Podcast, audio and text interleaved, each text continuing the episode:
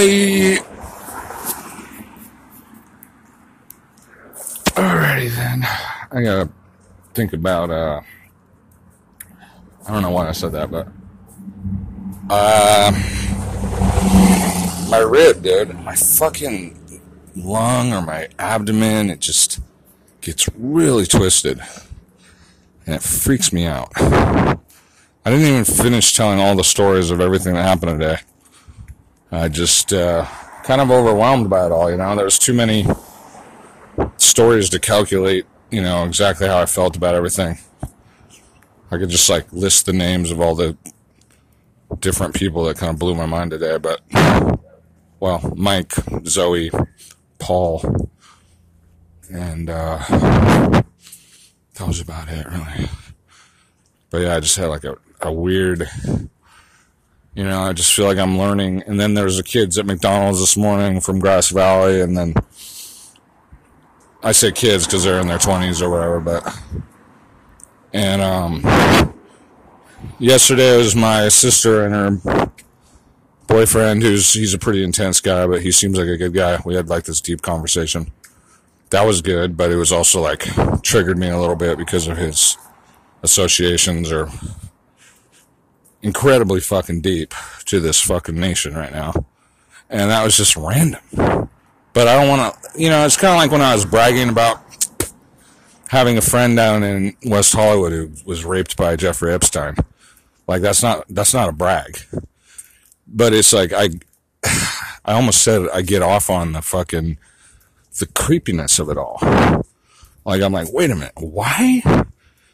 You know, is it this story, that story, this story, that story where I don't really get off on it, but I get off on like the rush of why the fuck do I know all these weird people that are deep? And if it's her statutory rape by Epstein, or this guy knows Giuliani's goons, and or my acquaintance has no tits. She got her tits cut off. Or fucking, you know, and it's a he now. Well, that's just some other random thing. It's not like I'm trying to start a circus. Or what was it today where it was like something else hella deep? Uh, I forget. I forget. Seems like there was something else that was really deep. That was that was enough right there. Oh yeah, and then the, the local guy who fucking cut my dad's brain open and you know murdered himself in jail, or they say he did, and he was charged with pedophilia. Well, you know, it's enough to make anybody go crazy. I think that I'm I'm literally wondering at times if I'm being subjected to the trauma team scenario from Rand or MK Ultra because it's like there's a lot going on all at once. I'm like, this is a lot going on all at once. It's like it's a lot of different deep fucking stories that are but like I have like a minimal relationship with that woman in West Hollywood. I mean, I just am acquainted with her. And this guy, that's pretty weird. This thing about the Giuliani thing, but uh, what was the other one? Oh, and then that other guy, minimal relationship again. Like he operated on my dad. Whooped he fucking did. He probably operated on a bunch of people. So I mean, ultimately, it's really just my own cognition or whatever that's going like, oh, this person, that person, this person, that person, too much trauma. But it's like it's it's minimally related to me. So it's like it's really like down to me to contextualize and yeah, I mean, at age 41 and how attentive I am to all things all the time, and how many people I meet, because I meet probably more people than most people do. You know, it's not so unusual that I've met some really weird people and that it all kind of, you know, like if there's a scandal, like, okay, well, oh, I happen to know somebody. Anyway, in fact, you know, actually, I think that's helpful for me to realize because, like, that has been the problem recently is I'm just tripping all the time. I'm like, dude, it feels like all this shit is like happening to me. They say in AA, they used to say, it's not happening to you, it's happening around you. But that's just like a one of those slogans that doesn't really cut the fucking mustard when it's like happening around you so much, you're like, is this happening to me around me? all those little handy slogans, they only work sometimes. Anyway, uh, so I would say, I don't know. You know, I think maybe it's time for me to take some breaks from uh, people pleasing in a different sense of the word, but just like being around people, period, and just pleasing them by fucking even talking to them because. Hello?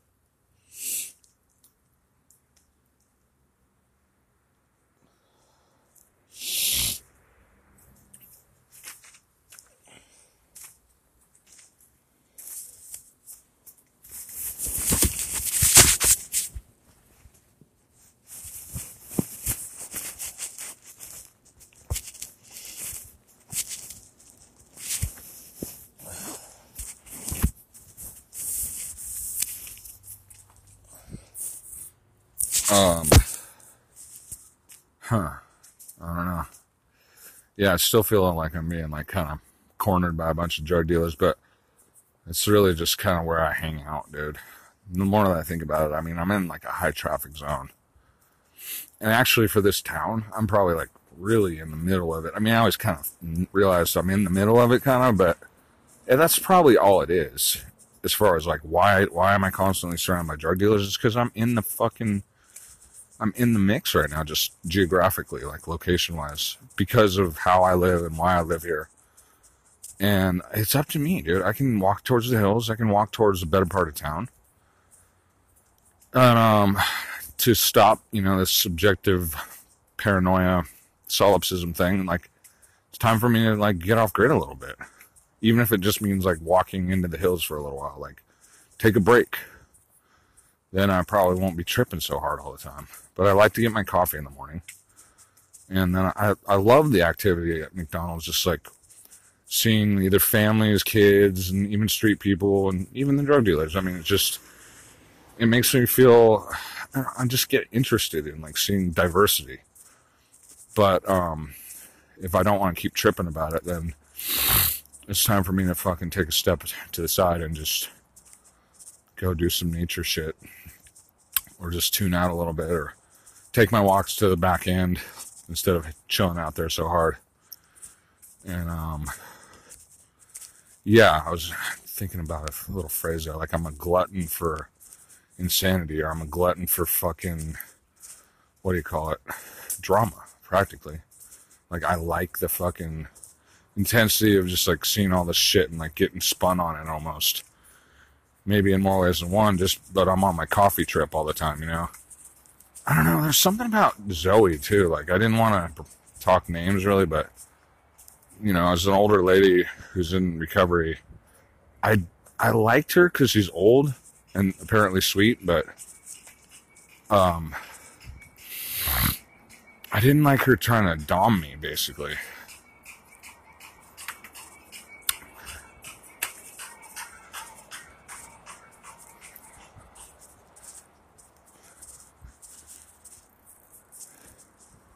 And so there was a bit of a, a bit of a yearning to have like an an older woman or an older man like guide me a little bit, and then a little bit, a little bit of a fucking disappointment that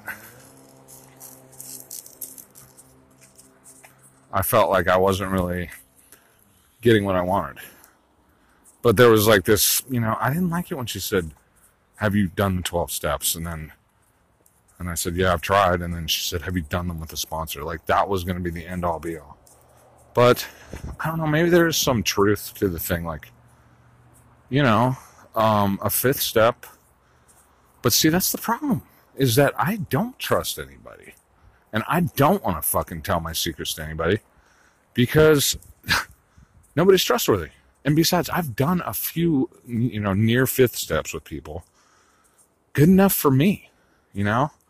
I was just talking to my buddy today. He was saying, now this is maybe a stretch of the imagination to others, but the way he sees it, the way I see it is, he said the original intelligence agency was the Vatican, and it came from the confession booth, which makes uh, makes sense when you think of it that way. It's like they they've been listening forever. It's like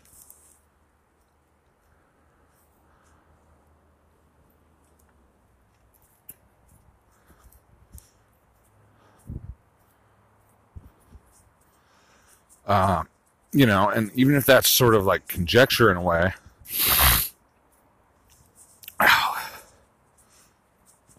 uh, it's it's telling, and like you know, that's kind of what I said to him. Is like that's why I don't want to confess in a booth. And you know, this they say the age old practice of confession is good for people, and it's a time honored practice that many cultures adhere to. But remember that that is fucking propaganda fuck, how do we know that that's good for you? I mean, I've already had some bad times, like trying to relieve myself of some private doubts I've had about things I've done or things I've thought, which has been the real, like, thing that drives me bonkers is like, oh, well, I've thought a lot of fucking perverted things. I've thought a lot of perverted things. I've probably thought a lot of evil things. And I can't even stop myself from thinking a lot of those things. Who can? I mean, our brains practically tease us with nightmares or with opportunities that are just fantastic. And when we conform our behavior to the norms of society, or if we fail occasionally, or if we fail repeatedly, that's what matters. That's action. And, you know, I can't really stop myself from having perverted thoughts or evil thoughts, and however you define those. You know, and I've been troubled by those, but but after all, I contextualize and largely I've behaved rather, you know, decently in my life. I've been a petty criminal, but I don't think that, you know, my horrific thoughts or perverted thoughts like literally define who I am as a person. Yet this feeling that like, oh, I haven't told everybody every nook and cranny of my shit or somebody, some fucking asshole in AA who's just some gossip fiend or some dom that like I don't want to have anything to do with, but they like force you to look at it like, oh, if you don't do this, you're gonna drink and die. It's like shut the fuck up. Get the fuck out of my fucking life, dude. It's terrorism. And that's what I'm saying. It is terrorism. But it says it in the book. If you can't find someone, then be ready to you know have a confession. But if you can't find someone that you can trust, then you know you haven't found the right person yet. That's the way I see it. I'm gonna try to get down here.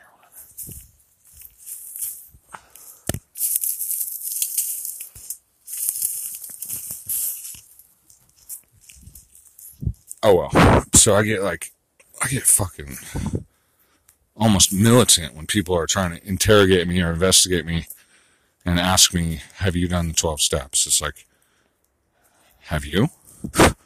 Have you?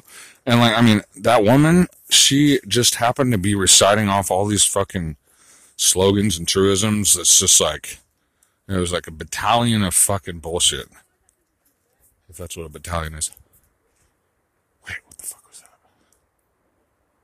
Make sure I'm not about to walk into some real battalion. Oh.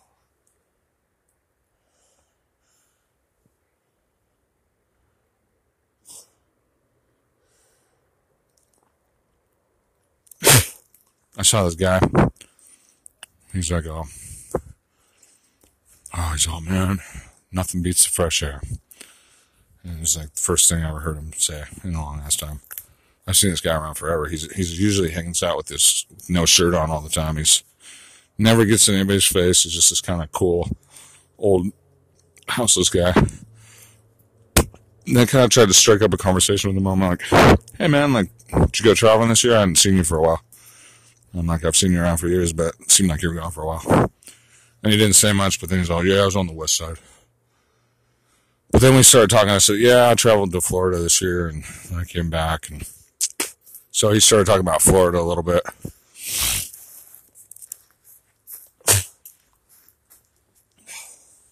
He wasn't like super, super forthcoming with like information about himself, but he was talking to me a little bit, which is cool. And like I've seen him around a long time. I think I think he's a pretty cool guy. I just we've just never talked, but it was kind of cool just to like talk to him a little bit because he's like he's a decent guy. I mean, he seems like a decent guy, but he's right. There's nothing like fresh air. Oh.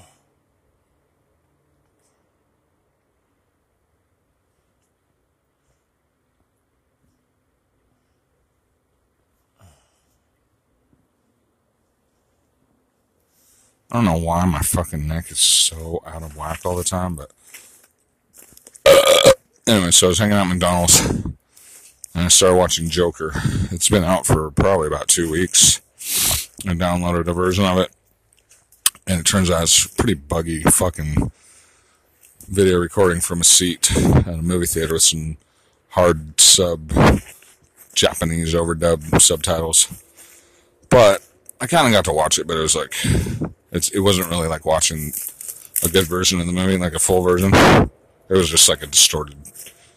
But um, I didn't really have patience to watch the whole thing, so I skipped forward. And I skipped to the first scene, spoiler alert, by the way, where he's basically getting his ass beat by these guys on the subway, these Wall Street guys. And then, like, he, he basically fights back with a gun. And it was a cool scene. I mean, I've already read, like, the reviews of this, the movie kind of, so I kind of got the gist of, like, what it was going to be about. And then I kind of, like, fast forwarded to the end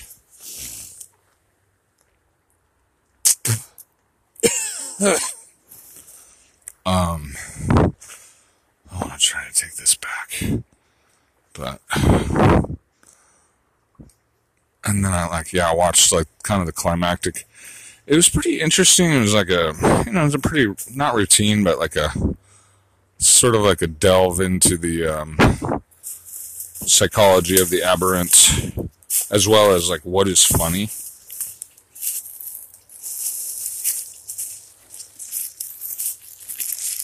And I thought that was really interesting because, like, I've been exploring a lot of those themes, like with ethical comedy, my procedure of like recording comedians and like philosophizing about what is funny. Like, it was a lot of the same questions and thoughts about, like, well, what is funny? And, like, why do we laugh at each other and why do we laugh at jokes? Like, because a lot of it is actually kind of tragic or aggressive actually. It's like it's like ostracizing some people. Like because most jokes that i hear from amateur comedians i noticed that one of the familiar patterns was that they would joke about homeless people and make like pretty raunchy jokes sometimes. And some of them are really funny by the way. But i was like well that's pretty easy for you to like who can you make fun of nowadays except for the people that aren't there? Like white people don't even make fun of black people anymore but black people would make tons of fun of white people all the time. Which was another pet peeve of mine, but it's like black people get up on stage like, white people be all, white people be all, white people be all. It's like their whole fucking set was white people be all, black people be like this, but white people be all. And I was like, dude, that's so fucking lame, dude. So boring. It's so cheap. It's like, dude, get your own shtick. All you are is like, you're all the same guy. It's like, Ha ha ha, Whitey dumb. Ha ha ha, Whitey dumb. Becky, Becky, Becky, Whitey dumb, whatever. And it's just like dumb, dude. It's so stupid. Even Dave Chappelle is like basically like a sophisticated version of Whitey dumb. Becky, Becky, Becky. And I mean, I like Chappelle, but at the same time, it's like, I think Chappelle has more to him than that, but I think he kind of centers around that thing like, white people be all.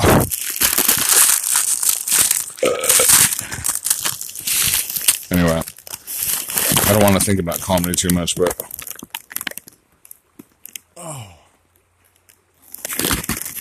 I mean, the themes of Joker and Joaquin Phoenix, but really the writer, I think, was like, it was, it was interesting, but it's like, it was a little, I wouldn't say it was like platitudes, because I don't think it was platitudes, but I don't know if it's like really that cool of a movie. It's like, haven't these themes been explored like before? But it was kind of nice to like get into him a little bit, and like, I wouldn't mind watching the movie again, but like the idea that like he delivered like an Oscar winning performance is like I don't even think my opinion would affect any outcomes at all because I don't think I have that reach, but I could already predict like the future of Joaquin Phoenix being nominated for Joker as best actor and then he wasn't going to win anyway because they don't want to say and for best actor Joaquin Phoenix for Joker. Although they might. They might. I mean maybe he'll get it. I don't know.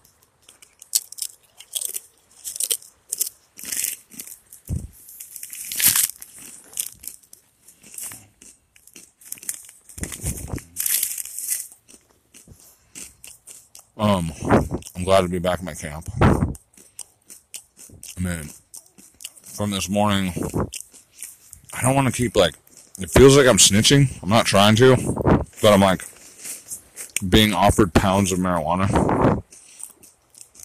It's like the new norm. It's like, hey, I'm getting coffee at McDonald's. Hey, you want to buy pounds of marijuana from me? I'm like, yeah, no. I mean, it wasn't like that. It was more like we were just chit chatting and shit, but it's like, deep. I mean, like, who can even afford to buy pounds, dude? And who sells pounds to a stranger? Not putting that guy down. I'm just saying. It's like, man, is it really like that right now? And then the guy bolted, like, after I brought out a couple deep thoughts about, like, some real deep gangsters that I'm saying it's too much for me lately. Like, I'm getting too many weird offers from just weird shit. It's weird shit is happening lately. It's too deep. And I go back to again, like nobody else would understand. And I only have about two people right now that are in my family that I could. I only have two people in my family. Period. I could say like, oh, like it's so fucking deep right now that it's creepy. Like, and here's why. Factually, this is the facts, and it's too deep. How rare is that? That's fucking weird. And one of them's cuckoo. She's like, you know, she wouldn't be able to tolerate it. Or she go, oh, that's weird, but she wouldn't feel how fucking deep that is. And then the other one is like interested, so she'd be like, um, what's wrong with that? And I'm sorry to be all like that, but it's like that's why I'm kind of like looking for like some sober, you know, authority, I guess, like sponsor or something. But I just do this speech thing because I don't really have a sponsor like that. I mean, when I get to West Hollywood and stuff, I'll probably chit chat with my brother who's my my bro, like you know, he's kind of my dude in um, MA. But he, we're more like peers, honestly. But I do kind of like look up to him a little. He's a little older than me, but you know, he does have a little less sobriety than me. But so I kind of like, he was my sponsor, but I kind of like, kind of secretly decided he was just more of a peer.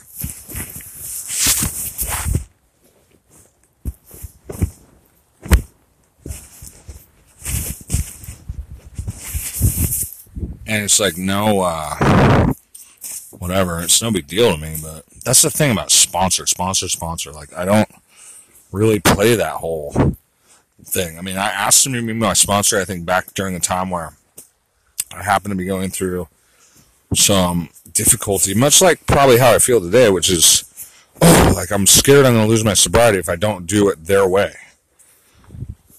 So i asked him to be my sponsor and he said yes and blah blah blah uh, fortunately, we're still friends because, like most of my fucking sponsors, like I just I can't handle the whole trip. You know, it's like, um, but the guys that used to be my sponsors in San Francisco, like I can think of one, two, three, and then there's this other guy that maybe I thought was gonna be my sponsor for a minute, but he was like kind of too young.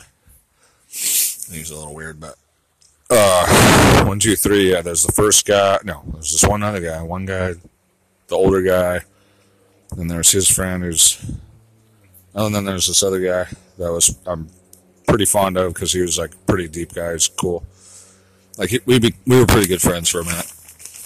Like he did he did some good for me, you know. Like I wasn't all bad. But I don't know why I drank after that. He was like my sponsor for a while. Oh, and then I flipped out in San Francisco. I had a mental breakdown.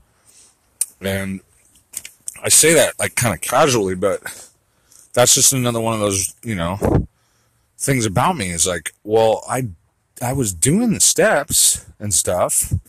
Oh, that I think I was after that. I think I tried anyway, I forget, you know, but it was like I was doing AA and then boom, I had a fucking mental breakdown. I was on a lot of cigarettes and coffee though. And like, fuck, you know, it's just like, I don't want to go and explain everything to everybody all the time. Have you done the 12 steps? Like, yeah, I mean, I've been sober for six years. I've, I did the 12 steps in jail. I didn't need a fucking sponsor. Oops, this thing's all bent sideways. Got some chicken soup there. Um, I just don't know if I want to eat it right now. And I got some, a lot of fucking bread, which I don't want to. Oh, and I got an apple. Ooh, what is that? Is that my? That's my avocado. The rat ate it though. What else do I got? I got those crackers. I want. Thing is, I don't want to have all this fucking food laying around my camp because the fucking rats are annoying. They're really fucking busy at night. They make a lot of noise.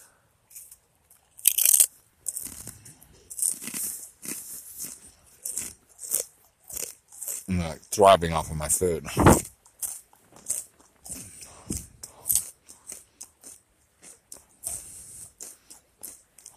I was taking a piss in that alley back there, well, next to a building anyway. And I look at the thing that says so and so is a rat.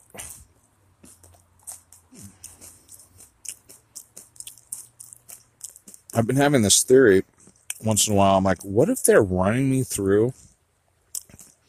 Like, I've always had this theory. I've always been like, what if they just call me a drug boss and so they run me through all their fucking rackets, the cops? They're like, oh, he's a drug boss. He's doing this. He's using Bitcoin. He's using this as cover to fucking run a trap or like a, you know, an op. And then they could run all their agents around me and everybody have a fucking job. You know, just like they go against Al Qaeda. They're like, oh, Al Qaeda is the boogeyman. And then they run a million fucking agents around Al Qaeda as a, it's just a con. They could do that to me too. Local fucking cops, local DEA or local FBI could just be running circles around a guy like me and they could all be told that Casey's a fucking crime boss. Just saying theoretically. Or they could be doing that to you. They could be saying, oh, this guy's a crime boss. And look, look at all his suspicious interactions and oh, this, like they have a photograph of me and that guy, or that guy gives me a hundred bucks. They got that on photo. Like, ooh, look at this meeting that they had. Like, or like, there's a dirty cop, or there's a good cop. He mixed with a fucking undercover there. Like, see, they could paint, they could, you know, con- concoct an entire fucking scenario, and it could be upper management managing all the lower cops all the time, and just say, oh, this is classified. Oh, this is boogie. Like, this is off record. This is, we got some dirt on the him. Like, and then they leak it, and then they like build it and they can concoct some fucking huge scenario out of anybody is my point. and i'm saying i have for a while wondered at times like if that's happening to me too because of like how many cops and how many like what it seems like is undercover sometimes. It's like it's just the weird things that have happened and the weird things that some people have said at certain times. It's been like weird. Like it's been a lot of that. And i would say actually even today when I was in the freaking hammock cafe, which I I don't even want to pollute that with like more fucking paranoia and shit. Because like if I say that, then maybe they'll bring in more people. But would it be any weirder than hearing one of the other guys just say, "Well, like this is MK Ultra"? I mean, I'm just listening to the guy and he's going like, "Oh, well, it's MK Ultra," or, or more. Was, he said something. I I heard him distinctly say MK Ultra. He's all, "Well, this is the new MK Ultra." And I was just like, what the? I mean, I don't know exactly how he said it, but it made it sound like he was in on it. But I was like, I just halfway heard that he he definitely said MK Ultra, but it was more like he was probably just mentioning it, and um, he probably wasn't saying, oh, you know, they. Why would MK Ultra itself ever say like this is the new MK Ultra or this is where it's going now now because we had to move in? But I was thinking that too. I was like, fuck, that means like.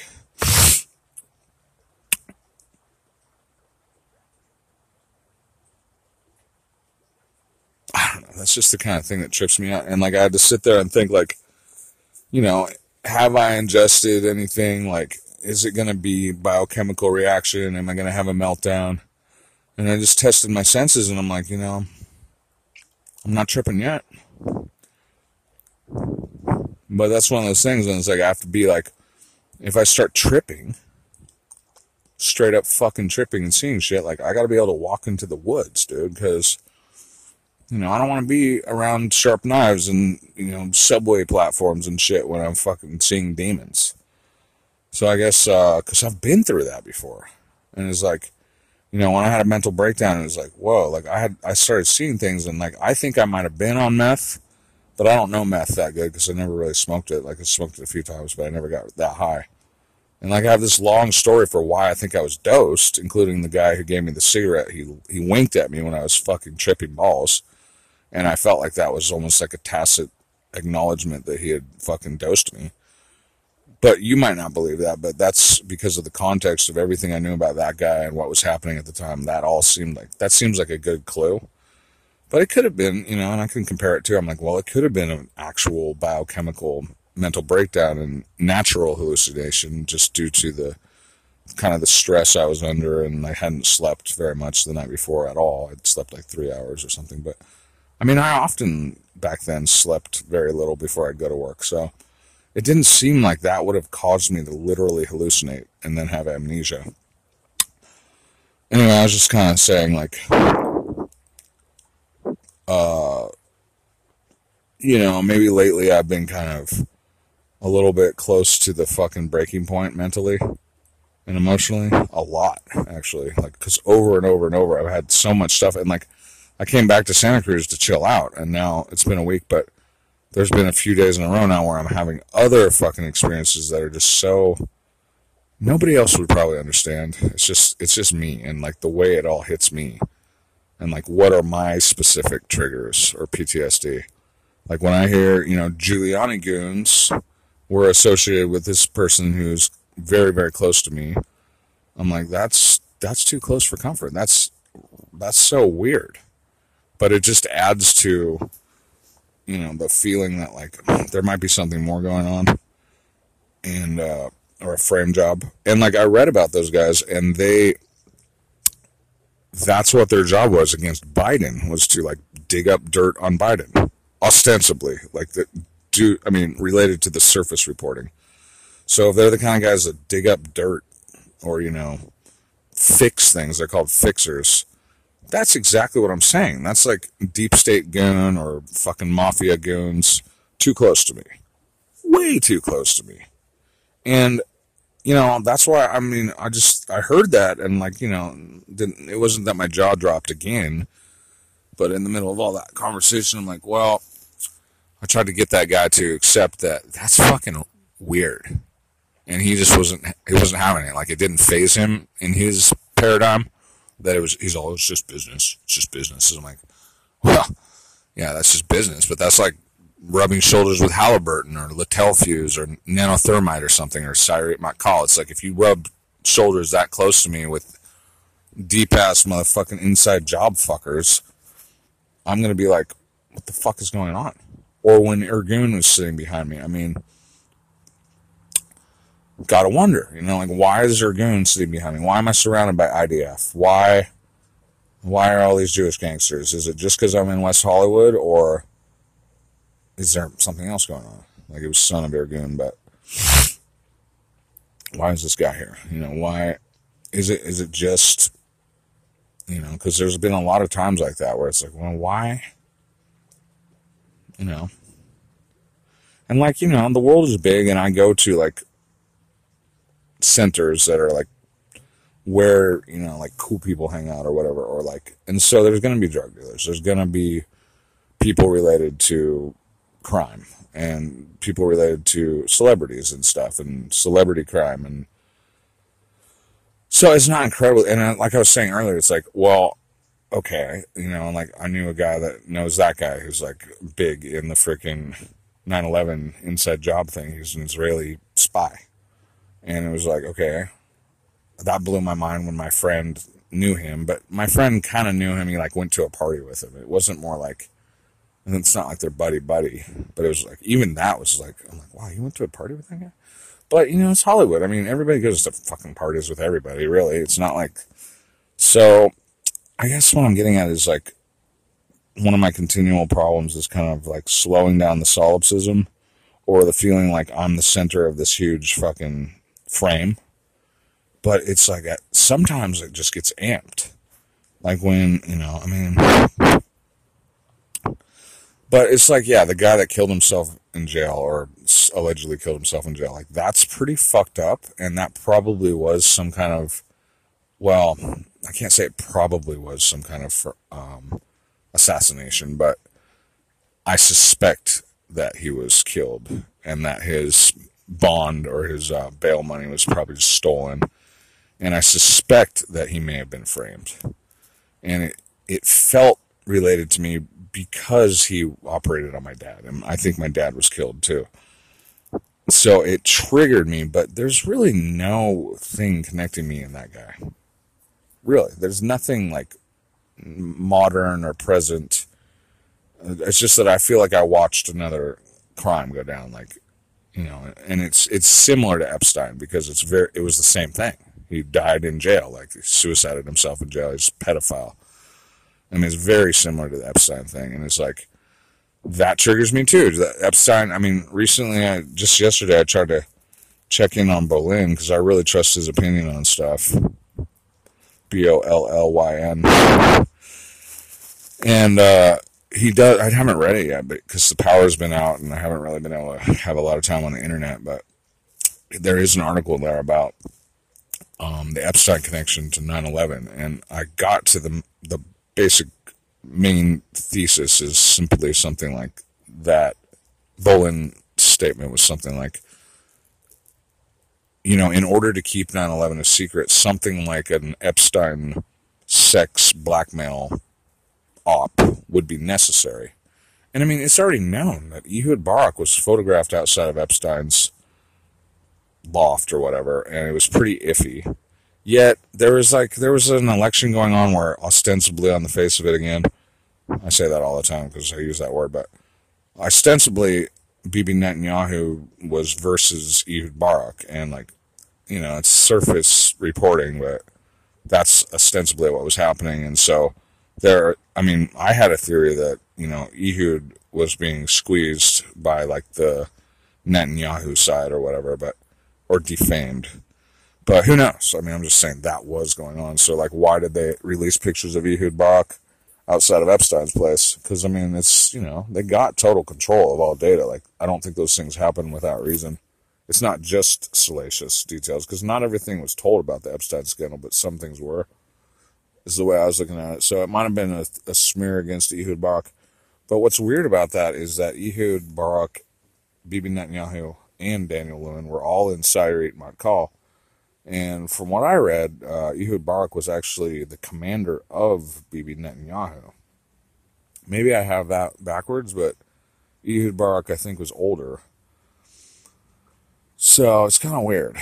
But the Israelis and stuff, like, I think they have a, apparently I think they have a lot of com- they compete with each other too. So like there's probably limited in a sense there's limited uh, positions of power and they probably vie for those I think against each other. So even if you know, even if Bibi Netanyahu was like the younger, maybe he was going against Barak, and maybe there was a bit of a consensus around one or the other. So, but um, and the the thing I know about Ehud Barak is that he was at the BBC on the day of 9/11. So he's like, as far as I'm concerned, like he was operating that day as a part of the inside job to frame Bin Laden, and so yeah, he's related to Epstein at least somehow, even if he was just a John.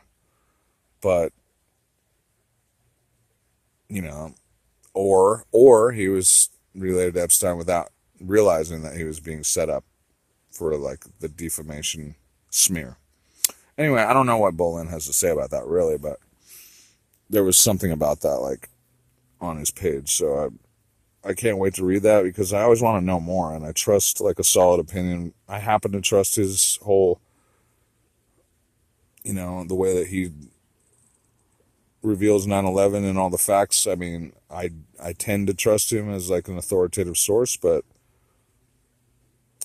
you know, I learn more every day. It's like, and I rethink things all the time. It's like it's possible that he's not, you know, a quality source, but I I prefer his um, the way that he tells the truth and stuff because I prefer the 9/11 truthers where they tell every single fact that I ever independently kind of came to conclude was rational and likely to be true, and they exclude nothing. Except if it is like disinfo, really, and they have a, a, fine and fair breakdown of why something is disinfo or misinfo or why someone else is a shill or why someone else is a plant.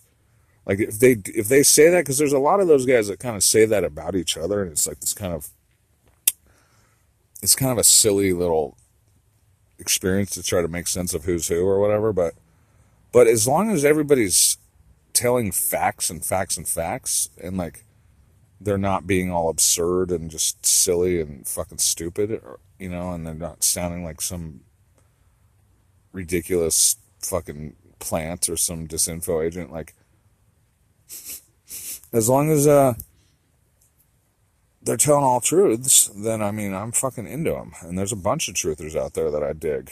And then some of them, maybe, maybe they have like a certain compromise, or maybe they're partially disinfo. I wouldn't exactly be able to tell entirely because once again, the 9/11 crime is so fucking huge. It's hard to be expert on every single facet of it. But I do kind of just kind of estimate trustworthiness from certain sources, and some of them do sort of get labeled as disinfo by others, and I take that into consideration. But I also sort of, I don't know. I guess at some point, the thing about like science or whatever, or paradigms, is that at some point, point being figurative use of language, it's like it's impossible to actually know anything. It's impossible to actually know anything. Like, how do I know that I didn't all those recollections that I have of a long train of factual observations? How do I know that's not just some illusion in my mind?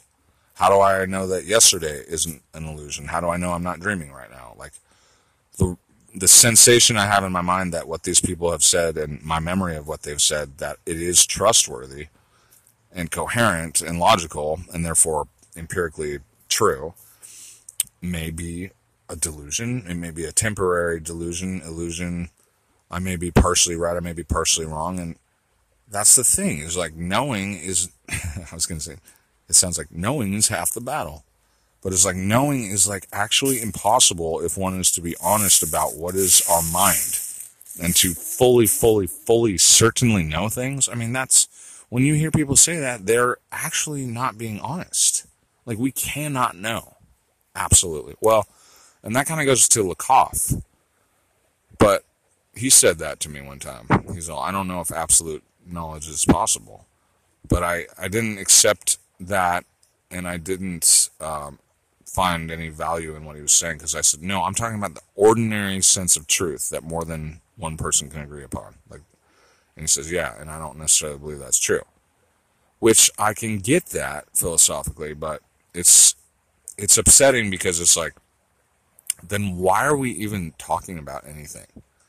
And that's where i think and, and that's what i was kind of insisting upon a little bit emotionally which was no i'm talking about just a common truth. Like let us at least acknowledge that we can believe in things that are true basically.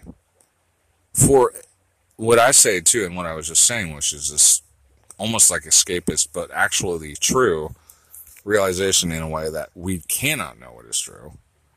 I mean, it's it is somewhat maddening, and that's why I've you know I, I do these I guess rough estimations, and you know I try to accept what is true, and I try to move on without going cuckoo about it because it's like it's impossible to actually know for certain anything.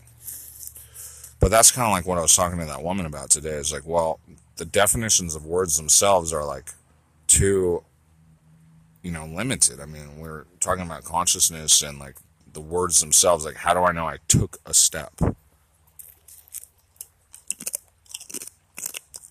Have i done those steps? I mean that's saying have i verbed an abstracted categorization of experiential opportunity.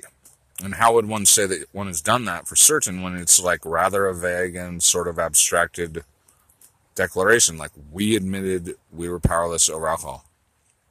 I mean, she was even amending it to like, we admitted to our innermost self.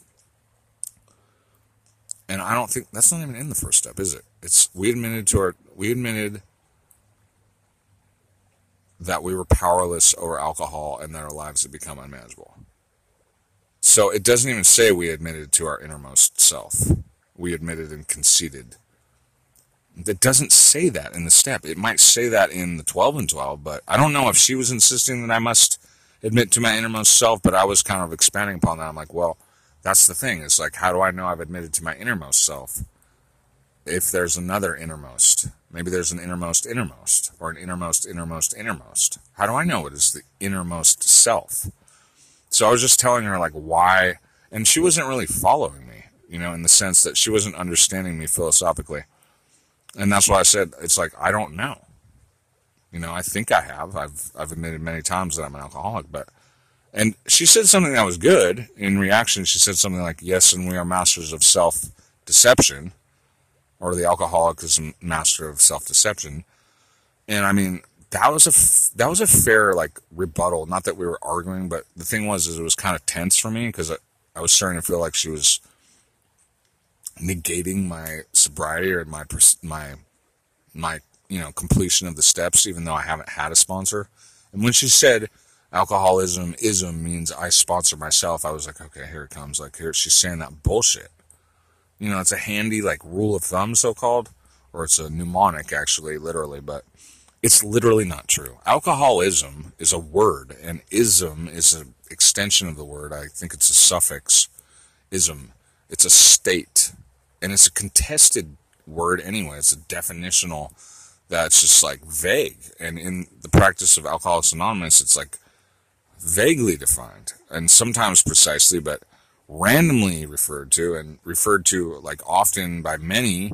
And we're like, you know, we use the word in rote to identify ourselves, and it's just like it's just the word itself is like so fucked out. If it was a fucking tranny whore, it'd be practically dead in a fucking vacant lot, fucked to death. The word is fucked.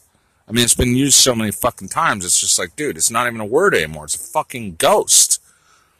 And no, ism, and I'm sorry to tranny whores. I was just kind of emphasizing like something that was so extremely fucking overused and like just raped, like as a concept. Like the word itself is just like fucked. And uh, yeah, I'm not trying to offend you if you're a tranny or whatever, but the point is, you know, I'm just trying to use extreme concept to kind of think about it. That that's what I'm saying is, is like how can you ask me if I've, you know, admitted that to my innermost self or something? Or the word powerless. It's another one with the connotations and the denotations being so various that, like, yes, I can admit generally that I was powerless over alcohol, but does that really make sense? So if I say, have I done the first step? It's like, have I? And has anybody? And if you have, like, are you of so, such a fucking short limited intelligence. I said short. I guess it's racist against short people. I'm being kind of comedic again, but about the way I see it, which is just like every fucking word I use, it's a war on figurative language almost. Because I'm like, are you being short or stupid? Like, have you actually done the steps? Like, how dare you fucking ask me if I've done the steps? Have you? But I didn't want to cause dementia in that woman, seriously, or Alzheimer's, because it's like, if I looked hard into her fucking eyes and asked her, "Have you done the steps?"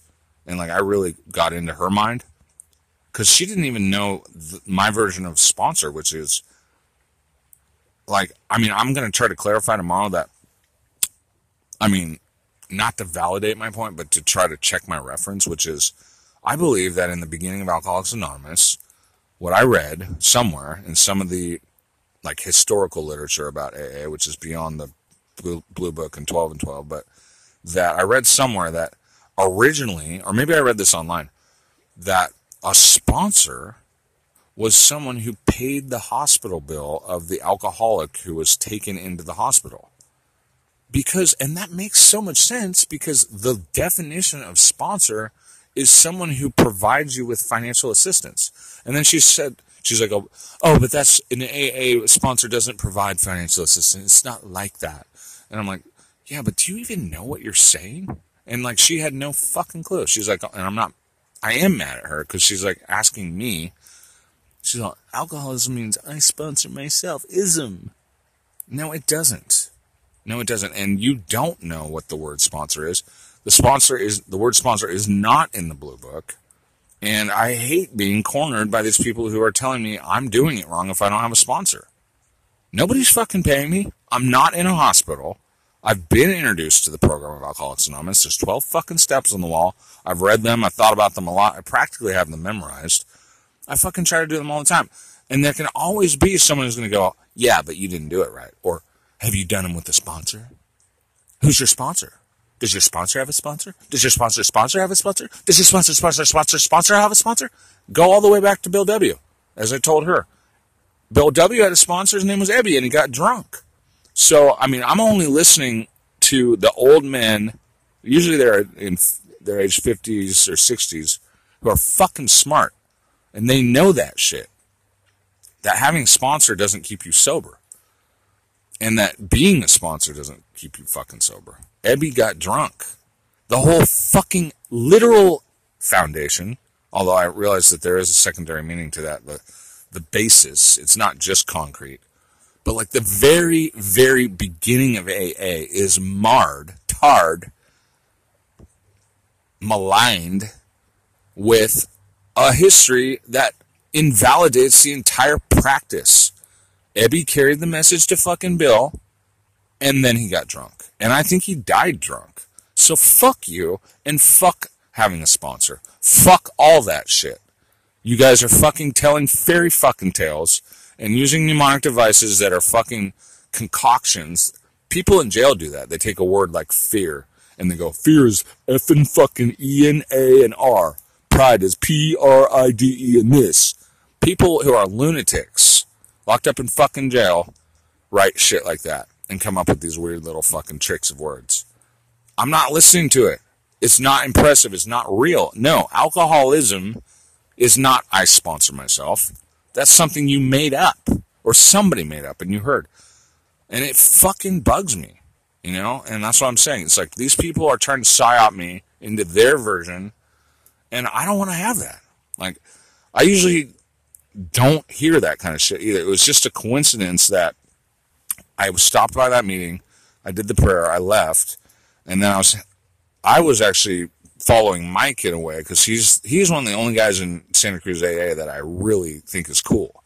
And then she happened to fucking be parking, and then she came over, and the next thing I know, I got into this deep ass conversation with her, where I thought we were just having like a pleasant little freaking chit chat, and it just got so deep. And then she's like doming me, and I'm like, dude, oh, this is so ugh. And like maybe she wasn't trying to, but when she said that, have you worked the 12 steps? And I'm like, I've tried to. And she's all, but have you worked them with the sponsor? And I was just like, not this. And so I tried to tell her.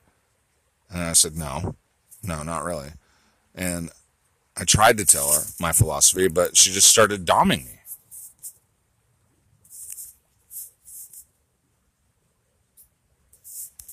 With like if you do these steps, you will have a spiritual experience. And it's just like, how do you fucking, you know, know what is that? And etc. But like all those questions, you know, I did have to turn some of them back at her. And I finally got her to stop bugging me. But it was just like, I, I couldn't help but feel it was kind of cruel. Because it's like, you know, I mean, I mentioned a few things like, I don't actually have a faith that some higher power is like gonna put me and she came back with like put me in a really good place or a god because like she said well she said something really comprehensive like everyone who relapses and blah blah blah it's all god's will. It's all god's god's perfect timing. It's kind of like the kind of stupid shit my mom says. And no offense because it's like then i'm saying as i said to her then what's the point of praying to this person? That's like praying to a hurricane.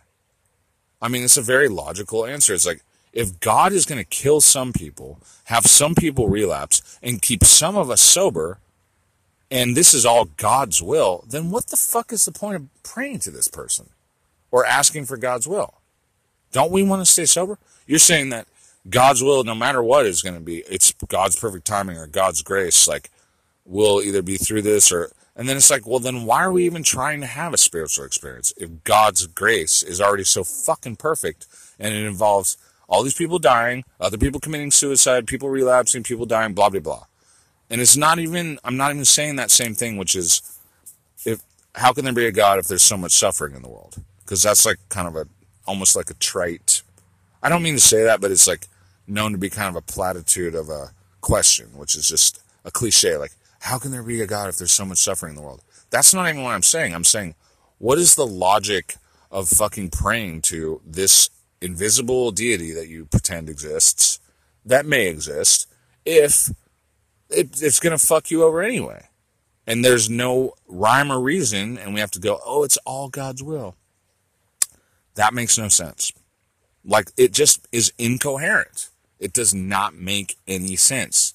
The logic of that fucking theology is silly. And it's, when it's put to the test, with a logical rebuttal, it does not actually hold up. And then the person usually changes the topic like she was. I can tell you're very smart. And it's like, yeah, bitch. I've fucking been doing this since I was four years old. You know, I mean, get, get a clue. Don't tell me how to fucking do this shit. I have been doing this shit since I was four years old. I just talked to a guy at McDonald's this morning. He's like, oh, well, I got my first charge when I was nine years old. And I was like, fuck, that was funny. But it was like, that's for, like me in the program. Like, I've been going to AA since I was four.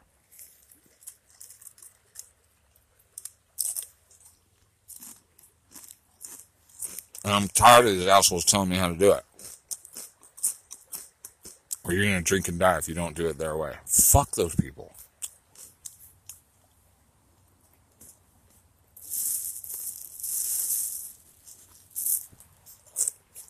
Why is there 12 steps and not 11?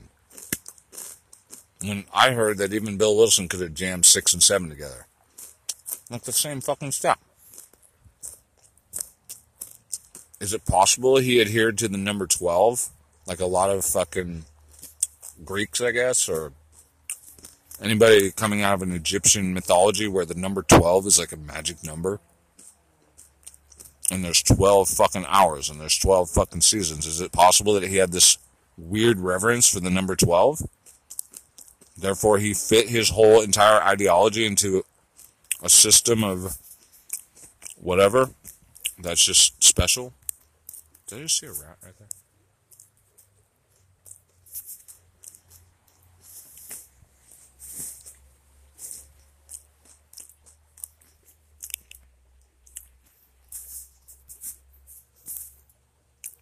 I mean, because after all, as many people who have studied the history of AA know, and that's not many, but there's some. Originally, it was the Oxford group, and originally there were six steps or something like that, and it was similar, but it was a little simpler.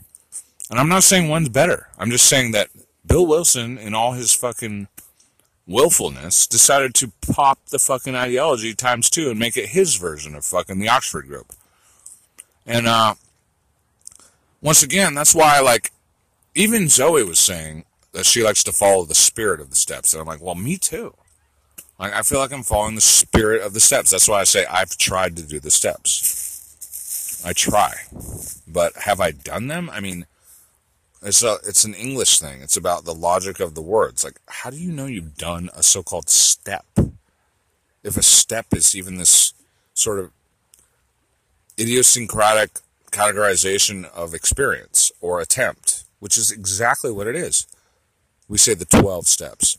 One, we admitted we were powerless over alcohol and that our lives have become unmanageable. I guess that's an action because people talk about this all the time. They're like, oh, it's the action steps are like starting at four. The first ones are not even action steps. Well, admitting something, even in your mind, is like actually a signaled action biochemically, I do believe, but especially verbally, it's an action of moving air across your tonsils and your tongue and your diaphragm and your teeth and your lips. But in your mind, I mean, maybe it's not an action, it's just a, a thought. But I don't know exactly, because action again is like Why is it not an action if it happens in your brain? There's still a biochemical freaking change of concept that's in your mind mentally, and that must be electrical somehow or some kind of basic, basically physical experience, even if it's so molecular or like neuron, like minute or nano. I mean, it's it's a decision. It's still like an action, or maybe it's not. Maybe it's just a mental fucking thing. But we admitted we were powerless over alcohol, and our lives have become unmanageable. Fine, I can do that. Have I conceded to my innermost self? Like I said, how do I know it's my innermost? Um, and you know, powerless over alcohol and then our lives have become unmanageable. I mean, what does that mean? What the fuck does that really mean? Oh, you're supposed to like write 10 versions of powerless, 10 versions of unmanageable, and then you've done it right. Well, why not 11 versions? Why not 12? Why not 13? Why not 69 of each? Why not 666 of each? 666 reasons that your life was unmanageable and 666 reasons that you're powerless over alcohol. Why not that number instead of 10 or 12? What's it going to take to fucking validate something authentically and feel that you've done it? And why is that any different than me just saying, okay, I'm powerless over drugs and alcohol. My life became unmanageable. I did the first step. Fine, why not? Then what? Came to believe already problematic fucking linguistics. What does that fucking mean? Came to believe. And she might have said, oh, well, first it was came, and then it was came to, and then it was came to believe. it's like some other word trick that these people fucking come up with. Came to believe that a power, uppercase P, greater than ourselves, could restore us to sanity. And I've heard a pretty interesting guy kind of meditate on that. Could, not would, could restore us to sanity. Well, and then it gets into the whole theological. It's like, well, is there a power greater than ourselves? Could he? Could he bring me back to sanity? Soundness of mind. And I was like, she told me insanity is soundness of mind. And I'm like, well, what is soundness? And she was like, solid, like coherent, um, true, sound. And she had a pretty good, you know, retention of definition there soundness I also think is involves like uh you know the trueness like of a ship I think it relates to the words used to describe a ship ultimately but sound what is soundness it doesn't have a sound but like sanity is like soundness of mind came to believe that power greater than ourselves could restore us to sanity you know, I mean, it's all fucking optional semantics. Like, how do you know you're sane now? You think you're sane now? Why are you talking to me then? Like, isn't that kind of insane to even talk to me? Or if you're listening to this podcast, like, how do you know you're sane? How do you know you're not insane? Like, it's, we admitted we were, doesn't it say that, like, came to believe that power greater than ourselves could restore us to sanity? Yeah, someone once had that to me. They said, remember, Anyone who says they took the second step has already admitted that they were insane. So it's like it's almost like Descartes or something. I'm not a specialist in Descartes, but if you've admitted that you're insane, then how do you know you're sane now? Came to believe that a power greater than ourselves could restore us to sanity. As they often say, that means that we admitted we were insane under the influence of alcohol, which is fair you know that the repeated action of drinking so much like led to our insanity and we're at this jumping off point they talk about it in the literature and stuff but if you say that you've done the second step done the step then have you then admitted that you were insane and if you came to believe that a power greater than ourselves in the plural referring to you this could be another paradoxical conundrum, for it is only you. It might say we, but that refers to the the 99 or 100 first alcoholics as historically referred to. So, how do we even take that step in a plural relationship to people that don't even live anymore? And how do we take the steps? Well, are we taking steps with dead people? Because we literally are. when we're reading that freaking stuff off the wall or out of a book. Because someone wrote it about themselves, because someone wrote it about themselves in a plural version, and all of those people are dead. I don't think any of the original alcoholic people are alive. And as a friend of mine in West Hollywood suggests, or a guy that I'm friendly with, he said most of them drank anyway. Now, I don't know if that's true, but I wouldn't be surprised as Bill W.'s sponsor got drunk. And Bill W. did LSD. I mean, there's so many things about AA. It's like, if you just like look into it, it's absurd to be zealous about something that is like so fucking faulty. And then people will say, oh, but if you just do these 12 simple steps, you'll have a spiritual experience. It's like, no, bitch, I'm already having a spiritual experience. And haven't I been having a spiritual experience since the fucking day I was born? What are you going to say? I wasn't? She even told me that her first spiritual experience was when she was 17. I don't think she had stopped drinking by then. She said it was a Jesus moment. I'm like, oh, here we go again. I mean, I've met another zealous woman who claimed to have had a Jesus experience when she was a teenager. And it just sounds like a horny fucking attraction to this male deity figure that I find to be evidence of insanity, literally.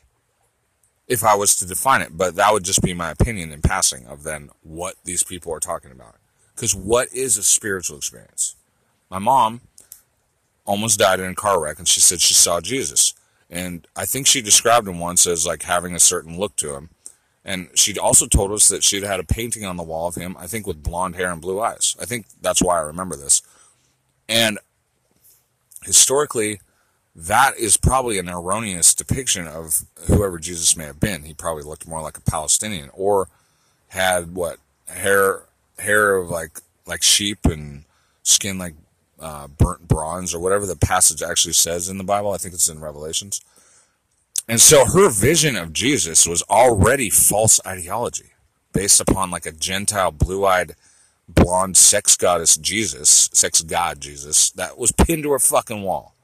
And her spiritual experience is a fucking delusion based upon, you know, like, yeah, the dead traditions of all the dead generations, like Marx said, like ideology weighs upon the brains of the living like a nightmare.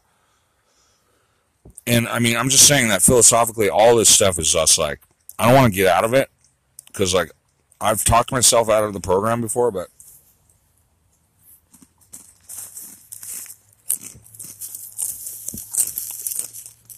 I like to ideally stay coherent and like related to recovery without sacrificing my intellect. So if I can stay honest and do my fucking inventories and tolerate people like Zoe, this older woman who I felt challenged by today, then I think I've done a good 10th step. Continue to take personal inventory and when we were wrong, promptly admit it. You know, I don't know. I had some flashing thoughts of like punching her in the face. And like there was someone else that I felt like doing that to recently too. I forget who it was. Getting too close to someone and listening. Oh, actually, it was my sister's boyfriend. I started to think about having to attack him or something because we had talked for so long and we got along so well. But then I was just starting to like have these like racing thoughts of like, fuck this. I don't want to be like so deep anymore. And like, I, I don't want to hit that guy. But I'm saying, I started having flashing thoughts of like, because we were talking about he was talking about lions and gazelles, and I was having fight or flight.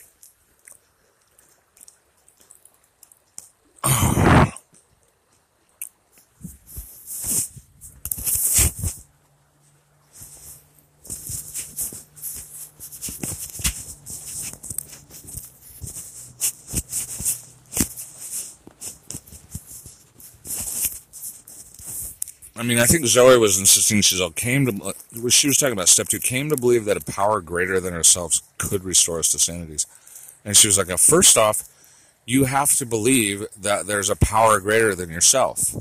Do you? And I was like temporarily just asking myself, I'm like, do I believe there's a power greater than myself? Like stronger than my will? Like they talk about my will. I was like, I don't know. Like I literally don't know. Like, is my will more powerful than the universe? I mean, and and the answer is perhaps. I mean, after all, I know that I can't stop the sun. I don't think I can. But that's the thing is, are you? If she says that to me, that's not actually like required of me. Came to believe that a power greater than myself could restore my, me to sanity. It's like could, you know, I like that. It's not would or will. It's a power greater than myself could restore me to sanity. I mean, it's possible. And we made a decision to turn our will and our lives over to the care of God as we understood Him. Well, this part always gets me screwed up because I'm like, I don't gender the deity. I don't necessarily believe in God standardly. And I don't see how a power greater than myself is then all of a sudden God and I have to turn my will over to Him. Like, why the fuck does this guy have a gender? And why is it suddenly God all of a sudden? But it says stuff like that in the literature too. It's like, oh, well, the atheist says, now you got us over a barrel. First, you say that we have this unbeatable disease or whatever, and then now we got to believe in God to save us or whatever. And I think it's all a fucking bunch of malarkey too. But it's like, turn my will and my life over to the care of God as I understand Him. Okay, like whatever you say, like, yeah, God, I guess, here, have my will and have my life because I fucking was so desperate anyway. Like, here it is. I finally fucking said, okay, fine. I'm fucking done. You can have me. Let's see what happens. I turned my will and my life over. I've done that so many times. I've said, you can have my will. You can have my life. But guess what I still have? I still have my life. I still have my will, don't I? So what the fuck did I do? I turned it over to who? To God? As we understood him with an underlined, oh, like they made it all like important. Like they underlined this. As you understand him. Well, now, Why don't you re underline it with, I don't understand this fucking bullshit. I don't understand it. But yeah, I'm willing in the universe to be like, uh, whatever, if there is an intelligent designer, if it is looking out for me, you can have my will if you want it. Like, why did you give it to me in the first place? And you can have my life. Why not? I'm in your fucking universe. I'm probably going to die by the age of 75 or 80. Maybe I'll make it to 100. I mean, you can have my will and my life. I mean, didn't you give it to me? If there's some totality in this universe anyway, I mean, yeah, you can have my fucking life. Why would I? Why would you need my permission to take it anyway? You're the omnipotent God. Like, why the fuck would you need my permission to have my will in my life? That goes back to that thing of like, why are we even praying to this thing? Why, if it's if it's gonna do whatever the fuck it wants anyway, kill some people, suicide some people, fucking overdose other people, then why the fuck are we praying to this thing? What does that make sense? Like a junkie never prayed to them, motherfucker, before it died, or a person died. Like a, a person never said, "Oh God, please," before someone got shot in the fucking head. Please don't shoot me. Oh Jesus, oh God, and then they fucking get killed anyway. Like that never happened. Like is prayer even like reasonable in the slightest bit whatsoever? Does it work? I don't think so. I don't think it does. I don't think there's any fucking real evidence of that. People say, oh God, oh Jesus, when they're trying to have an orgasm. People say, oh God, oh Jesus, when they're being sarcastic or they're just defeated or they're tired of like hearing about shit. They're like, Jesus, go God. People say shit like that all the fucking time. I mean, is that a prayer? Or is that just exasperation because we've been taught to like believe in these concepts that like nobody can even define or believe in because they don't even really have any meaning. A searching and fearless moral inventory of ourselves. So have I turned my will and my life over to the care of God as I understood him? Why haven't I? How could you say I haven't? I just did. Here, have my will, have my life. As we understood him. What does that mean? As I'm literally understanding him in the moment? Or just as as I define him? Because that's it does seem like as I define him, or as I conceive of the entity, that would be like the way it seems to be. But then again, the linguistics of it all is kind of optionally defined. What does that mean? As I understood him. So how would you know if I fucking did the step or not? What is a sponsor gonna know? What the fuck? And I just saw shooting stars. So I wish that I wish that no one would ever ask me if I've done the steps again. So I don't have to fucking answer this again. You know, I mean, fuck, I don't know. I mean, I really kind of wish no one would ever ask me that again. It's like I've done what I could. made a searching and fearless moral inventory of ourselves. You know, the funny thing about that is, how how do you how can you be fearless? How can you be fearless? And if you are fearless, are you actually aware? I don't think that people are fearless. I think that people might think that they're fearless temporarily, but I don't know. I don't. I don't really think that people are fearless. So how can you make a searching and fearless moral inventory of yourself? Sometimes I think I'm closer to that because I've been scared so much lately that I'm like, okay, I think I'm post trauma, I'm post fear in a way. I'm closer to it. I'm like, okay, well, I've made a searching moral inventory, and I'm, you know, I've tried to catalog my fears, but I'm starting to think I'm a little more fearless. But wouldn't that be called like psychosis? Because I think one definition of psychosis is to be like absolutely without fear. I'm not sure if that's true, but I might have heard that. So, have I made a searching and fearless moral inventory of myself? Yes, I think so. But would you agree with me? You know, a lot of people think that they try to do a fourth step and maybe they don't do it completely. And then they, the next year or the next time they feel like doing the steps, they do it again. That's why I've tried to do the steps and I try to do them. I think it's a fair thing to do. A lot of people do the steps over and over. But some people say, oh, you just do it once and then it's over. Everybody has a different fucking way of doing this. And that's why I don't like it when people try to tell me what, you know, oh, but have you done it this way? Or, oh, you got to do it this way. It's like, no, I haven't. And I don't want to do it that way. I just don't want to. I don't have a sponsor. I don't trust you. I don't want to fucking hear your bullshit. I've listened to it sometimes. I've taken what I want and then I've left the rest as a phrase. I mean, maybe I'm just picking and choosing some slogans I like because I liked when I got onto Mike's brain a little bit there at the end of the evening. I said, Mike, do you think it's essential to have a sponsor to do the 12 steps? And he just went off and said something like, you know, he's I like to thank everybody who comes to the meetings when I'm chairing because I like to say thank you for helping me do the steps today. Because a lot of the 12 steps is in a meeting. Like it's just in a meeting. It's like embedded in the meeting. And I was like, I know that that theory. And I'm like, that's cool. And I'm glad he said that because like we're always doing the steps when we say, hi, I'm an alcoholic, if we mean it. Even if we slightly mean it, I think. And if you pray in the meeting, it's like you basically, you know, I don't know. I mean, I can't say conclusively that you're doing one, two, three, but. And if you confess a little bit to your fellows, I mean, you're kind of doing step five, which is we admitted to God, ourselves, and to another human being the exact nature of our wrongs, which is like so hard. Like, how do you know you admitted the exact nature of your wrongs? And what is a nature? And what is a wrong?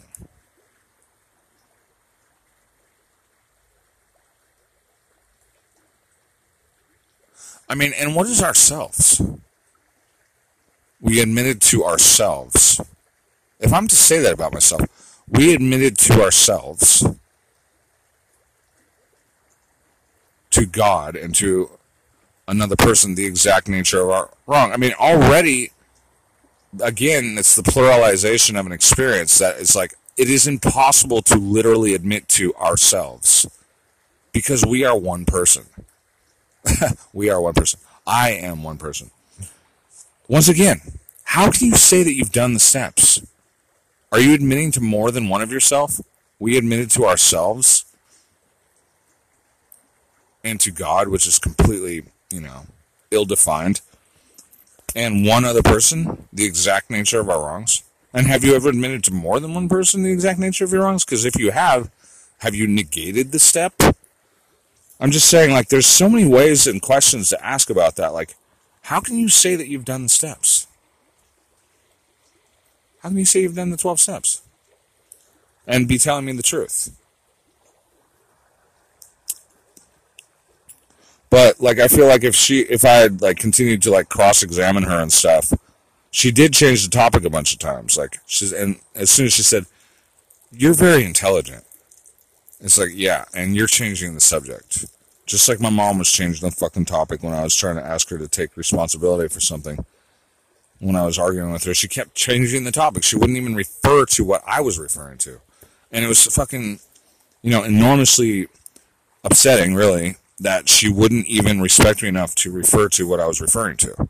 Because she's the fucking bitch. She's the boss. She's the mom. And it's like, women like that, dude, shut the fuck up. I fucking hate it. The only reason I put up with it with my mom is because I'm just like trying so hard to be like an ordinary family member who like has a decent amount of respect for my mom. Oh, by the way, on that topic, and maybe I'll go back to the 12 steps. Uh, I was, uh, I happened to come across the phrase, put on the armor of God, which my mom always says that phrase.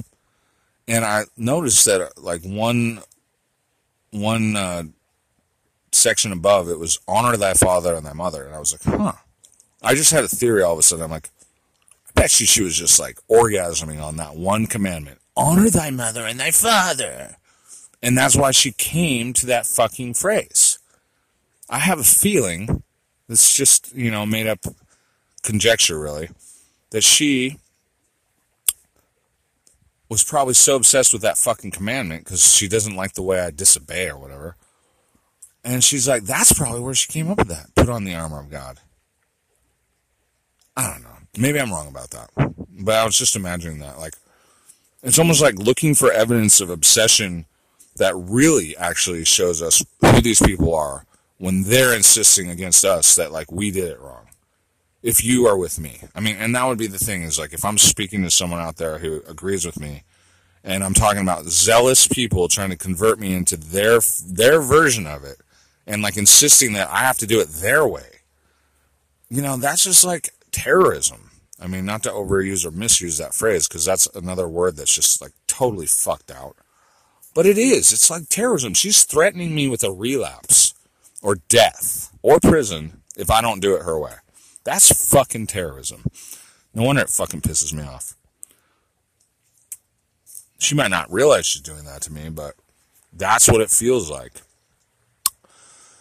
So, uh, admitting to God, or to ourselves, to God, and to another human being the exact nature of our wrongs. Well, I've done a lot of that, and then there's some perverted thoughts that I haven't really fucking declared to the same person that I was revealing this other deep shit too. So, like, it's been hard to say whether or not I've done that all to the same person.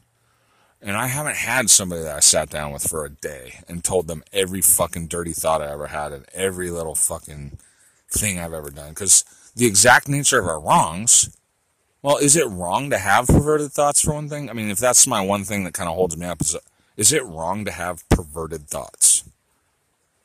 And is it, did I kill my dad if I knew that they were going to kill him and I chose to proceed anyway, knowing that they would attack my family?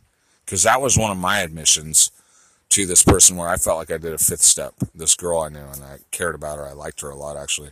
And I said, I think I killed my dad because I knew they were going to kill my, me or my family, and I went ahead and did it anyway. And so I think I killed my dad by causing them to kill him. And there's no fucking evidence of it either way. And nobody believes me. And it's, it's, you know, you could easily say I made that all up in my head. And there's no murder weapon. If there was a bioagent or anthrax, guess who's dead now? because he just killed himself in jail, they said, after being charged with pedophilia, his neurosurgeon. So who the fuck would be able to prove how they killed my dad? When their weapon of choice against their fucking opponents was anthrax. You know, I'm not saying they killed him with anthrax, because after all, don't they have poison jellyfish fucking serum too? Yeah, they have fucking everything, dude. They kill you quietly. Because that's what they do. They have quiet weapons for quiet wars. Did they do it against my dad? I don't know. Did is it my fault because I caused them to fucking kill him? Well, that's how it felt. So, yeah, the exact nature of my wrongs, I feel like I killed my dad. How does that fucking feel? But who do I admit that to?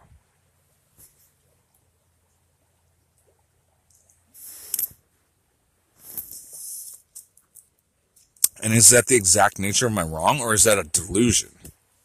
Or a mistake? Who the fuck would know, huh? Who the fuck would know? Really, only the murderer who actually sent poison to my dad if someone did that. And then I would feel responsible because I fucking pushed them. But then it would be like, who actually was wrong? Who actually did something? Well, I did something, but so did the person who got shot by a fucking common mugger. They didn't give them their wallet. Or they said no. And Your Honor, um, he said no, and so I decided to fucking shoot him in the brain. It was, it was his problem. He was wrong. So then, what is wrong? And what is right? Those words I think are almost impossible to freaking define, and it depends on who is making the assessment and from which vantage point. And then we may have agreement, but there's plenty of disagreement too about exact nature of right and wrong. There's no such thing. There's nothing exact, really, about morality. When has there ever been anything exact about morality? The exact nature of our wrongs. How are you going to even admit that?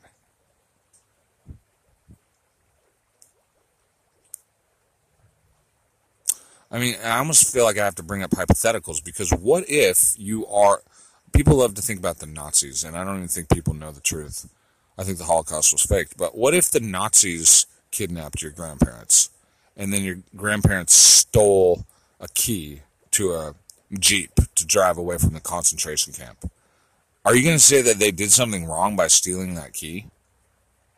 And what if the Nazis were actually like blood sucking vampire pedophiles and they stole a key to get away from them?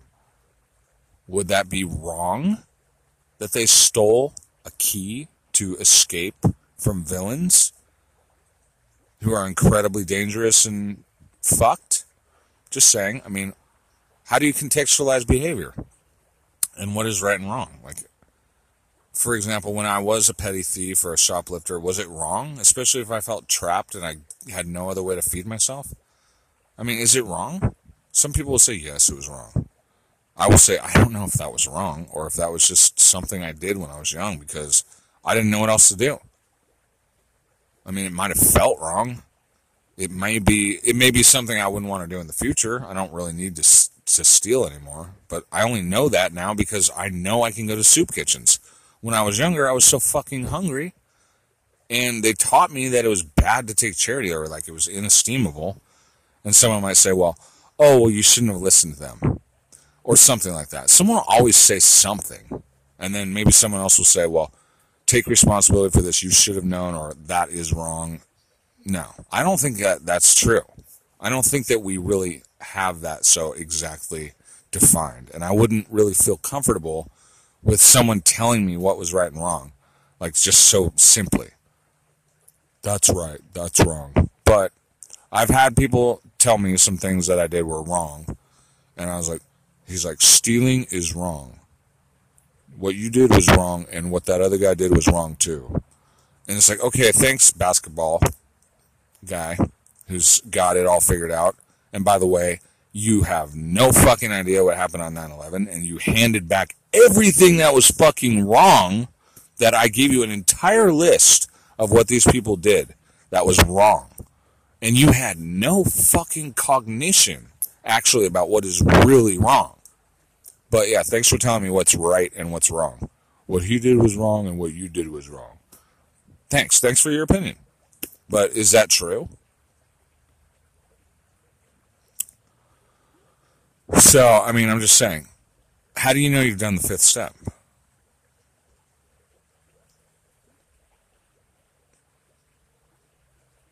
Admitted to ourselves, to God, and to another person the exact nature of our wrongs. Sixth, this will be masterful if I can remember that one. Um, uh, something about shortcomings, um, character defects, um, exact nature of what was wrong. I mean, to God ourselves, 100% exact nature of our wrongs. Prayed to have these defects of character humbly asked him to remove these defects of character. Humbly.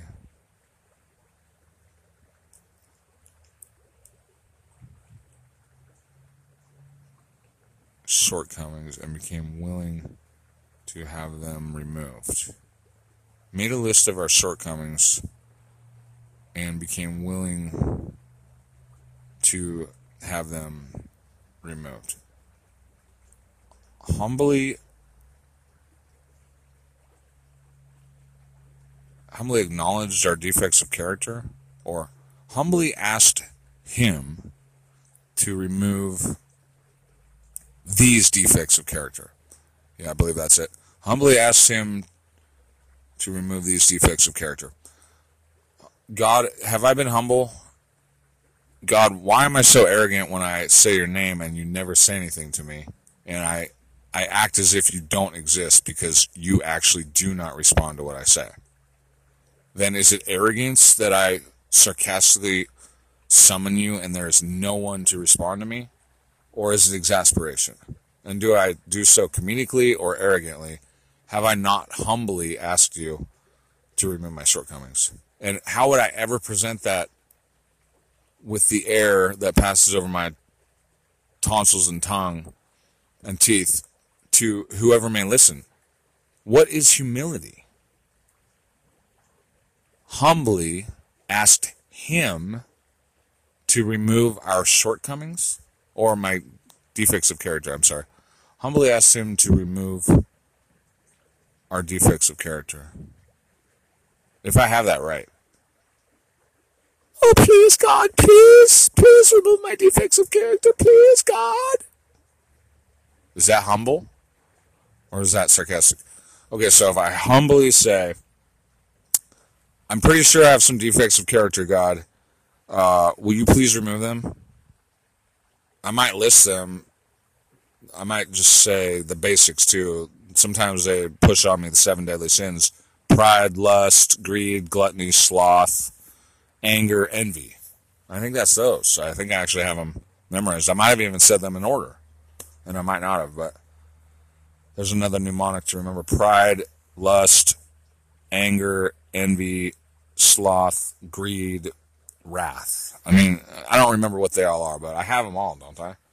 Even though I don't know exactly the difference between envy and jealousy or whatever, or anger and, and wrath or whatever. You know, it's like I got them all. I got a lot of wrath, but isn't that righteous at times? I mean, so what is it? Is it a defect of character, or is it to be used against people who are failing? I mean, is it righteous for you or for me? I mean, what is it? Humbly asked him to remove our defects of character. Will you please remove my defects of character? Is that humble enough for you, or shall I like scrape the ground and lick it? And how many times have I asked you to remove my defects of character, and maybe I still have them? But is that not for me to know? Because all these people keep saying, "Oh, blah blah blah, we don't know God's will," and blah blah blah, and I'm like, so why am I even praying to this? Like, I might as well pray to a hurricane. I came up with that today. It's like I might as well pray to a hurricane. I mean, at least the hurricane ends. But no, I don't find it to be like arrogant to say to the universe, like, I don't actually believe this crap. But I, have I not humbly prayed towards you? And where are you? Humbly asked him to remove our defects of character. Okay, will you remove my sarcasm and my uh, aggression and my uh, willfulness if you find those to be defects of character? For what is a defect of character? And why would I have a defect of character if you had made me perfectly? Does that make any sense? Would it be arrogant then for me to access or just believe that maybe I was perfect? Because that's what people tell you too, is that you're perfect just the way you are. So what the fuck does that mean? I mean, and if I were to define my own defects of character anyway, that were like some things I thought about myself that I didn't like, how would I know I was even being true? But so if I just generally said, humbly asked him to remove our defects of character, will you please remove my defects of character, him? Then I've done it, haven't I? Wouldn't it be insane to say that I hadn't? I humbly asked you. Made a list of our shortcomings and became willing to have them removed. Okay, I haven't made a list but I could do it again. Um, do I need to make it on paper? Why would I need to make it on paper when a list could just as well be verbal? my shortcomings. I'm not good enough. I'm not nice enough. I'm not patient enough. I'm not nice enough. I'm not tolerant enough. I'm not nice enough. I'm not good enough. I'm not strong enough. I'm not bright enough. I'm not careful enough. I'm not happy enough. I'm not joyful enough. I'm not joyous enough. I'm not stable enough. I'm not safe enough. I'm not secure enough. I'm not grateful enough. I'm not quiet enough. I mean, I could go on. Uh, I've become willing to have these be removed. Have I not? Is that not step seven? Uh, step eight. Made a list of all the people we had harmed and became willing to make amends to them. Who have I harmed? And if you talk about emotional or mental harm that is not literally physical, is it even calculable how many people I've harmed?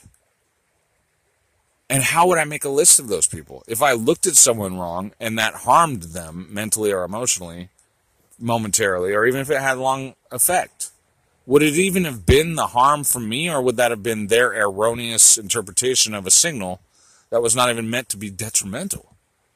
Made a list of the people we had harmed and became willing to make amends to them. Well,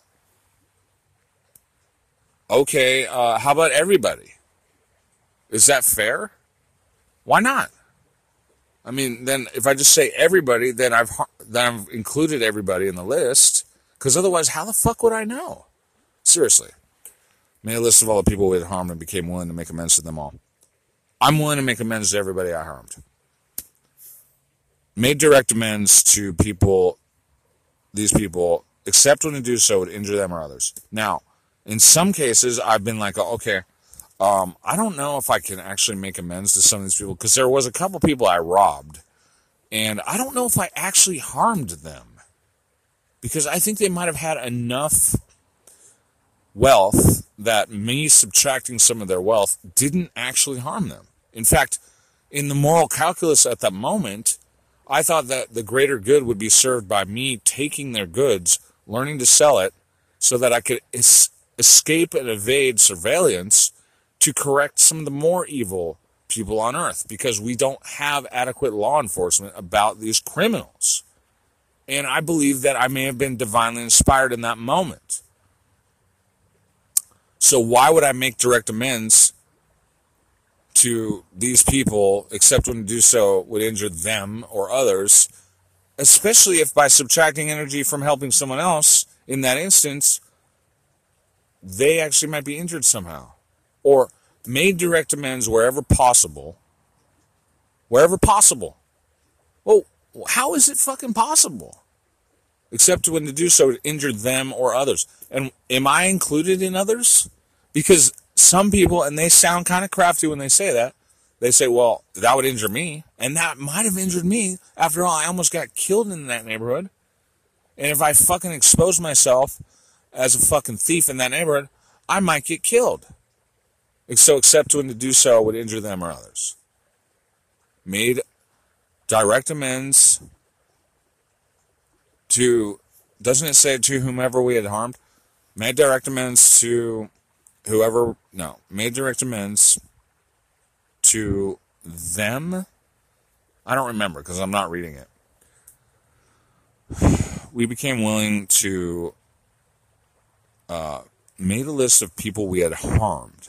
Now, I would also like to say at this point that my definition of harm involves physical pain, physical pain or injury. Now, if it's like I said, if it's emotional or mental, then it's almost incalculable.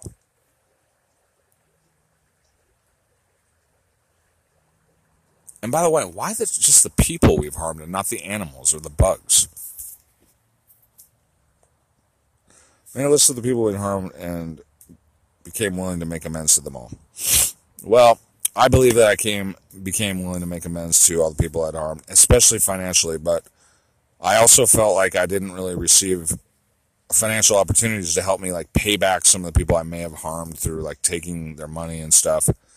But again, that question is like, did I actually harm them? And when I did petty thievery at my jobs and whatnot, did I actually harm anybody?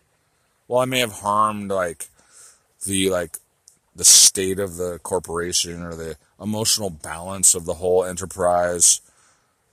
You know, I mean, it's all optional to define like what is harm actually. Now, legally, maybe it's so, but I don't know if I actually harmed anybody. But I would also say that I'm willing to make fiscal amends wherever possible, I suppose, to certain corporations, even though I'm very timid. And I didn't know what I was going to do. Like, was I going to go and say to these people, well, I robbed you back like 15 or 20 years ago? And who would I, who would I talk to at this corporation anyway? So, made direct amends wherever possible. I mean, I don't know if it was really possible. But I sort of remain, I guess, willing to make amends wherever possible. When will you have me go there? And which form of transportation shall I use? And which bugs shall I step on to get there? And shall I harm anybody while I'm at work? And will I use the dollar system that obviously murders people in the Middle East constantly? And if some Jew bitch fucking wants to get in my head and say that using money is not harming anybody because they don't care about Palestinians and they're Jewish, then why the fuck am I listening to a fucking genocidal maniac who is excusing her crimes? For I've done so for so fucking long. I'm so fucking used to it. I'm fucking sick of these fucking people getting in my fucking brain and pretending like I'm doing it wrong. No, I don't think so. So, to make financial amends with some fucking debt instrument that is directly tied to genocide against the Arabs and the Palestinians and directly controlled by the New York Jews and de- disseminated ethnically, Cantillon effect or otherwise, to their particular people, I'm going to fucking work for that money to give it back to some other Jews? Uh uh-uh. uh I don't think so. Made direct amends wherever fucking possible except when to do so would fucking injure them or others? Yeah, I think I did that step. But correct me if I'm wrong, if you will. Continue to take a searching moral inventory of ourselves, and when we were wrong, promptly admitted it. Hmm. Maybe. Okay, what's wrong? sought through prayer and meditation to improve our conscious contact with God as we understood Him. I guess even if we don't believe that the God is gendered or that God is an appropriate word for whatever we believe in, a power greater than ourselves, might as well say, okay, sought through prayer and meditation, meditation, meditation, to improve our conscious contact. How do you have contact with consciousness? Contact is a physical relationship. How do you have conscious contact when consciousness is not physical?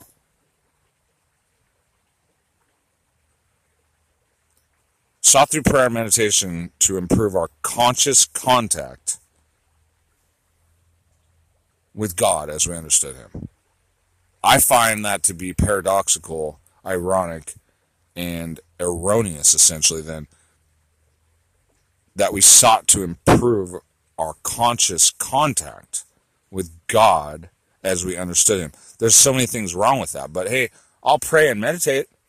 So I sought through prayer and meditation to improve my conscious contact with God as I as I understand him. Period. Hmm, okay, yeah, I did that one too. Having had a spiritual awakening, having had a spiritual awakening as a result of these steps, we tried to carry the message. How do you carry a message? To other alcoholics and practice these principles in all of our affairs or all our affairs. Yes, I did that one too, and I've done that right now. I've tried to carry the message by speaking it into my recorder and give it to you by publishing it on the web if I have that chance. And I would like to ask you, how do you know that you've done the 12 steps? You want to ask me if I've done the 12 steps? How do you know that you've done the 12 steps? Can you prove that to me? Can you define what a sponsor is?